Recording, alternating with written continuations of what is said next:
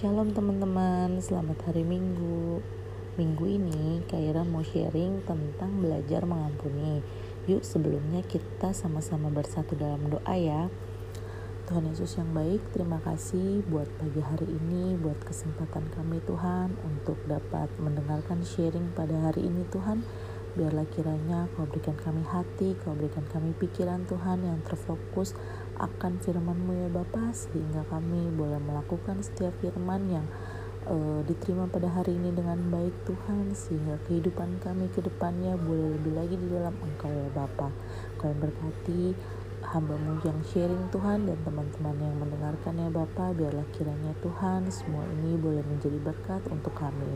Terima kasih Tuhan Yesus yang baik, terpujilah namamu, haleluya, amin. Shalom teman-teman, hari ini aku mau sharing tentang belajar mengampuni. Sebelumnya nih teman-teman, aku mau tanya, manakah yang lebih mudah kita ingat? Kesalahan yang orang lain lakukan kepada kita atau kesalahan yang kita lakukan terhadap orang lain? Tentunya teman-teman ini kita jadi langsung mikir ya, uh, kesalahan apa yang orang lain lakukan kepada kita dan kesalahan apa yang kita lakukan kepada orang lain. Tapi faktanya teman-teman, kebanyakan orang lebih mudah mengingat dan menyimpan kesalahan yang pernah orang lain lakukan terhadap dirinya.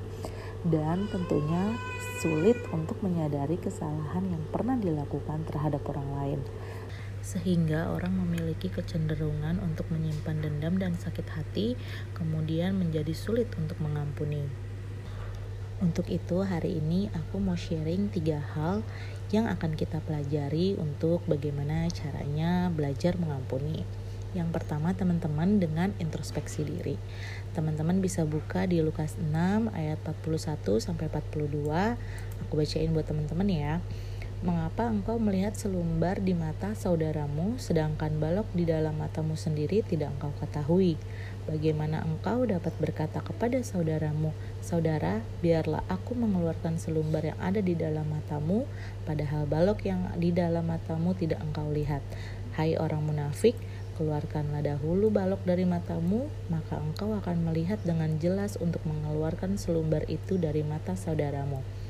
Dari ayat ini teman-teman kita belajar untuk sebelum kita melakukan tindakan apa pun kepada orang lain, kita wajib untuk e, melihat lagi ke dalam diri kita sendiri. Apakah kita pantas, apakah kita layak untuk membalas kepada orang tersebut? Apakah kita pantas memperlakukan orang tersebut seperti yang ingin kita lakukan itu? Dengan introspeksi diri ini, teman-teman kita bisa mengontrol perbuatan kita tindakan kita karena introspeksi diri itu adalah peninjauan atau koreksi terhadap perbuatan, sikap, kelemahan dan lain-lain yang ada di dalam diri kita. Dari introspeksi diri ini teman-teman, kita menyadari tiga hal. Yang pertama adalah sadar kalau orang yang paling dirugikan dari tidak mengampuni adalah diri kita sendiri. Dan yang kedua, sadar bahwa kita juga pernah melakukan kesalahan. Dan ketiga, sadar bahwa kita juga butuh pengampunan. Jadi lewat introspeksi diri teman-teman, kita menyadari tiga hal ini. Dan salah satu dari kerugian yang, yang kita terima adalah dosa kita pun tidak diampuni teman-teman. Kesalahan kita tidak akan diampuni kalau kita tidak melepaskan pengampunan untuk orang yang bersalah kepada kita. Dan juga untuk orang yang masih menyimpan sakit hati, dendam, itu juga jadi lebih mudah marah, lebih mudah tersinggung, lebih mudah sakit hati. Jadi dia menjalani hari-harinya akan terasa lebih berat karena dia menanggung uh, beban sakit hati tersebut. Dan itu membuat orang itu tidak bisa uh, naik level dalam kehidupannya. Jadi rugi banget kan teman-teman kalau kita dalam kehidupan kita membawa uh, beban tidak bisa mengampuni ini uh, cukup merugikan menurut aku dan hal kedua yang harus kita lakukan untuk belajar mengampuni adalah dengan memiliki kasih. Teman-teman nanti di rumah bisa baca 1 Yohanes 4 ayat 7 sampai 21. Kasih itu memampukan kita untuk lebih tulus dalam mengampuni. Maka dari itu, kita sebagai anak-anak Tuhan yang telah menerima kasih Allah harus menghilangkan keegoan kita, kedagingan kita sebagai manusia agar kasih Allah dapat memenuhi hati kita. Orang yang bisa mengampuni adalah orang yang hatinya penuh dengan kasih, teman-teman. Jadi, kalau kita masih merasa sulit untuk mengasihi, teman-teman bisa uh, baca di ayat yang ketujuh teman-teman. Aku bacain ya. Saudara-saudaraku yang kekasih marilah kita saling mengasihi sebab kasih itu berasal dari Allah dan setiap orang yang mengasihi lahir dari Allah. Nah, dari ayat itu teman-teman, kita tahu sumber kasih itu adalah Tuhan Allah sendiri. Jadi kalau kita masih sulit untuk mengasihi, kita masih sulit untuk uh, memenuhi hati kita dengan kasih, jadi yang harus kita lakukan adalah melekat dengan sumber kasih tersebut. Setelah melekat, kita tinggal di dalam Tuhan agar kasihnya sempurna di dalam kita. Teman-teman bisa baca lagi di ayat yang 12 karena dengan kasih itu teman-teman dapat menutupi banyak pelanggaran kita jadi teman-teman pentingnya kita memiliki kasih untuk e, belajar mengampuni adalah sangat penting karena lewat kasih eh, kita boleh dimampukan, kita boleh dikuatkan untuk melepaskan pengampunan kepada orang yang bersalah kepada kita. Dan yang ketiga nih teman-teman, setelah kita udah introspeksi diri, setelah kita sudah memiliki kasih dan kita sudah mengampuni orang tersebut, ternyata ada lagi nih yang ketiga teman-teman.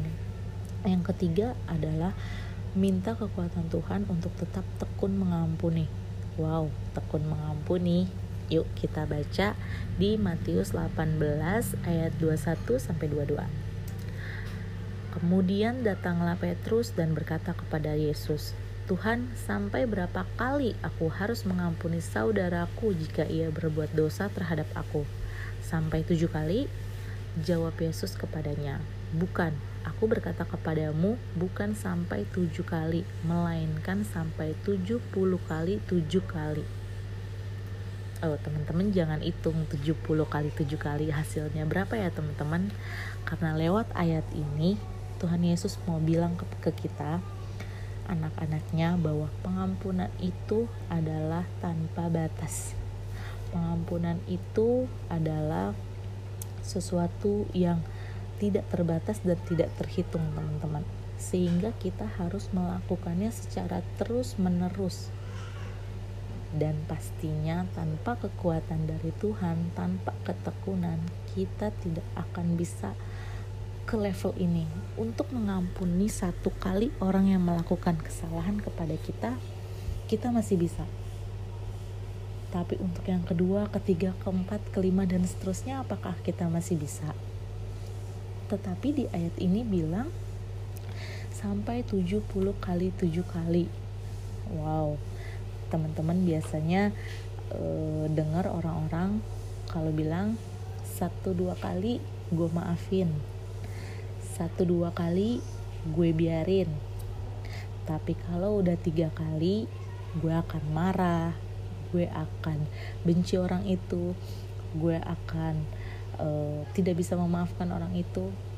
Dan orang di dunia ini memiliki jadi membuat standar bahwa tiga kali itu adalah batas. Batas kita untuk bisa e, mengampuni atau memaafkan kesalahan seseorang.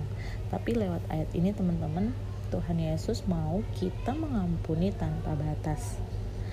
Dan itulah e, kenapa kita harus bertekun untuk mengampuni. Bertekun itu adalah giat, rajin, dan sungguh-sungguh arti dari bertekun itu. Jadi e, saat kita bertekun, kita minta kekuatan yang daripada Tuhan.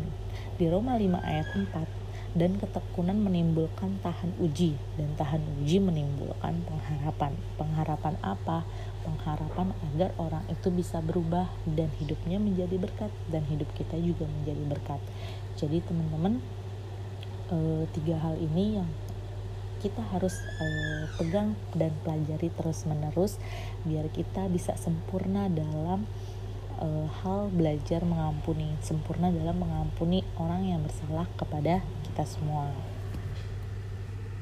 Dan hari ini teman-teman aku mau bagiin tiga quotes of the day uh, yang memberkati aku. Jadi aku mau bagikan juga ke teman-teman semua. Yang pertama adalah dari Pastor Jerry Patisarani. Dia bilang gini teman-teman, pembalasan paling terhormat adalah dengan mengampuni. Wow, luar biasa ya teman-teman. Uh, statement ini menangguhkan kita untuk melakukan uh, pembalasan dengan cara yang terhormat yaitu dengan mengampuni. Dan yang kedua adalah dari ST Teresa yaitu orang Kristen perlu belajar mengampuni. Bagaimana kita belajar untuk mengampuni? adalah dengan menyadari bahwa kita juga butuh diampuni. Jadi uh, ini juga memberkati aku karena menjadi uh, sadar kita kalau kita juga itu butuh pengampunan. Jadi kita wajib untuk melepaskan pengampunan juga. Dan yang terakhir ini uh, dari nggak tahu siapa tapi uh, aku juga terberkati dan aku mau bagikan ke teman-teman begini kata-katanya. Keselamatan datang melalui pengampunan yang kamu terima. Tetapi kualitas hidupmu ditentukan oleh pengampunan yang kamu lepaskan Wow, kalau teman-teman mau kualitas hidup kita menjadi bertambah dan naik levelnya, yuk kita belajar untuk melepaskan pengampunan sehingga kualitas hidup kita makin uh, bagus lagi, makin berharga lagi, makin jadi mantap lagi. Itu teman-teman. Uh, sekian sharing aku uh, untuk hari ini. Semoga memberkati kita semua dan kita boleh belajar untuk mengampuni lebih lagi dan lebih sungguh. Thank you teman-teman yang udah dengerin. Yuk kita tutup dalam doa. Tuhan Yesus, terima kasih buat hari ini Tuhan untuk sharing pada hari ini. Ajar kami Tuhan untuk tetap bisa belajar mengampuni orang yang bersalah kepada kami ya Bapa, karena kami juga masih memiliki kesalahan dan kami juga ingin diampuni. Berikan kami kekuatan, berikan kami uh, kegigihan Tuhan, ketekunan Tuhan agar kami boleh menjalani semuanya bersama dengan Engkau. Penuhi hati kami dengan kasih, penuhi hati kami Tuhan dengan eh, hal-hal uh, yang baik sehingga kami boleh melepaskan pengampunan. Terima kasih Tuhan Yesus buat hari ini. Kami telah berdoa dan mengucap syukur. Haleluya. Amin. Oke, okay, thank you teman-teman. Happy Sunday.